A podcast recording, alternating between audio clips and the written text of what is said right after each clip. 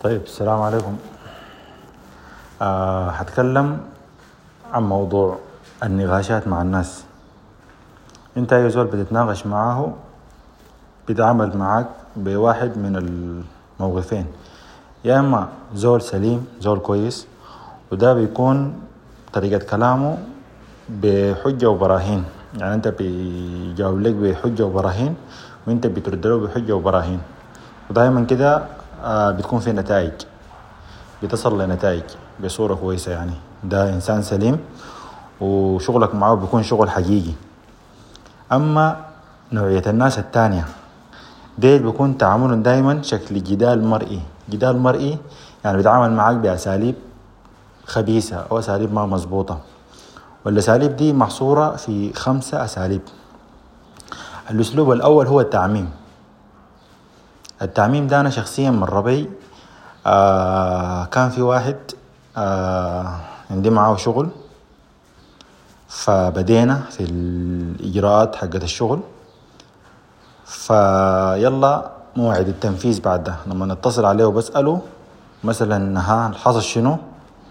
آه بيرد لي يا أخي والله تلفوني كان بايظ غيرت التلفون. آه تاني بقول لك يا أنا والله بتاعي أنا كنت في المستشفى. تاني يا أخي أنا عملت حادث اشتري زول بالموتر كنت في المستشفى. فدايما بيستخدم أسلوب بتاع تعميم.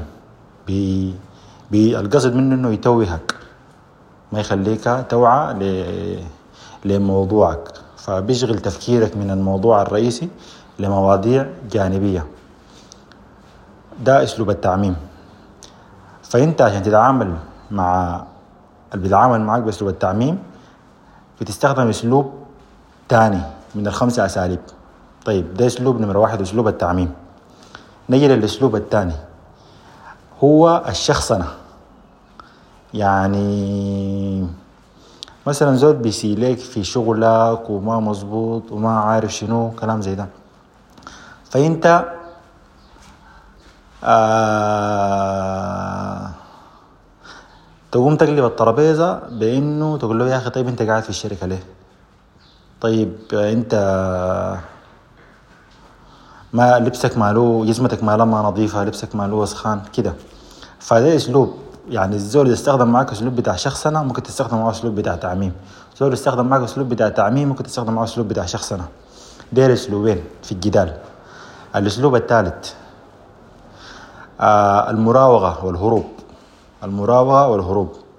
دي يعني عندك برضو دي شخصيا برضو مرت بي مع زول تاني عندي معاه شغل. فقال لي إن شاء الله يوم الأحد تستلم.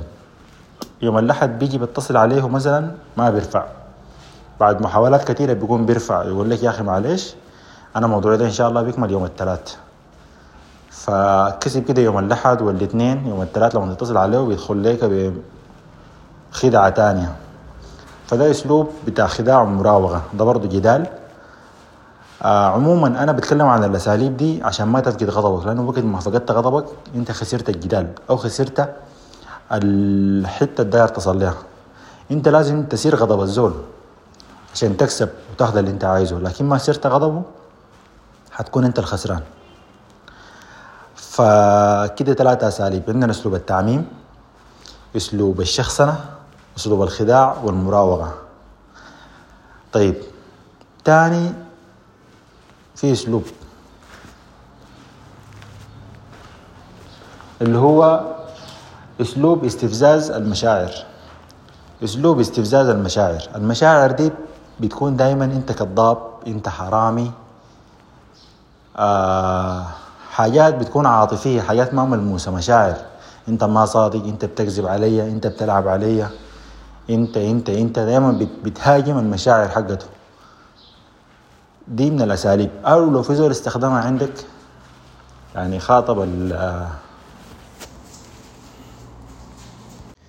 آه يلا آخر حاجة من الاستراتيجيات هي الهروب.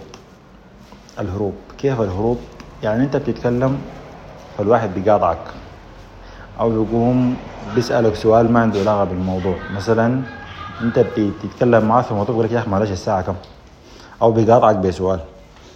فدي برضو استراتيجية. فإذا كده هم خمس استراتيجيات. آه التعميم الشخصنة الهروب الخداع والمراوغة استفزاز المشاعر. فنقاشك إذا ما بقى بحجة وبراهين بيكون مشى للجدال المرئي. فبيستخدم معك واحد من الخمسة أساليب دي ولا يفل الحديد إلا الحديد. فأنت خاطبك بالتعميم ممكن تخاطبه بالشخصنة ممكن تخاطبه باستفزاز المشاعر ممكن تخاطبه بالهروب ممكن تخاطبه بالخداع والمراوغة. فهو بيخاطبك بأسلوب أنت بتخاطبه بأسلوب تاني. لكن النتيجة لازم هو يفقد أعصابه. أنت تكون محافظ على أعصابك. شكرا.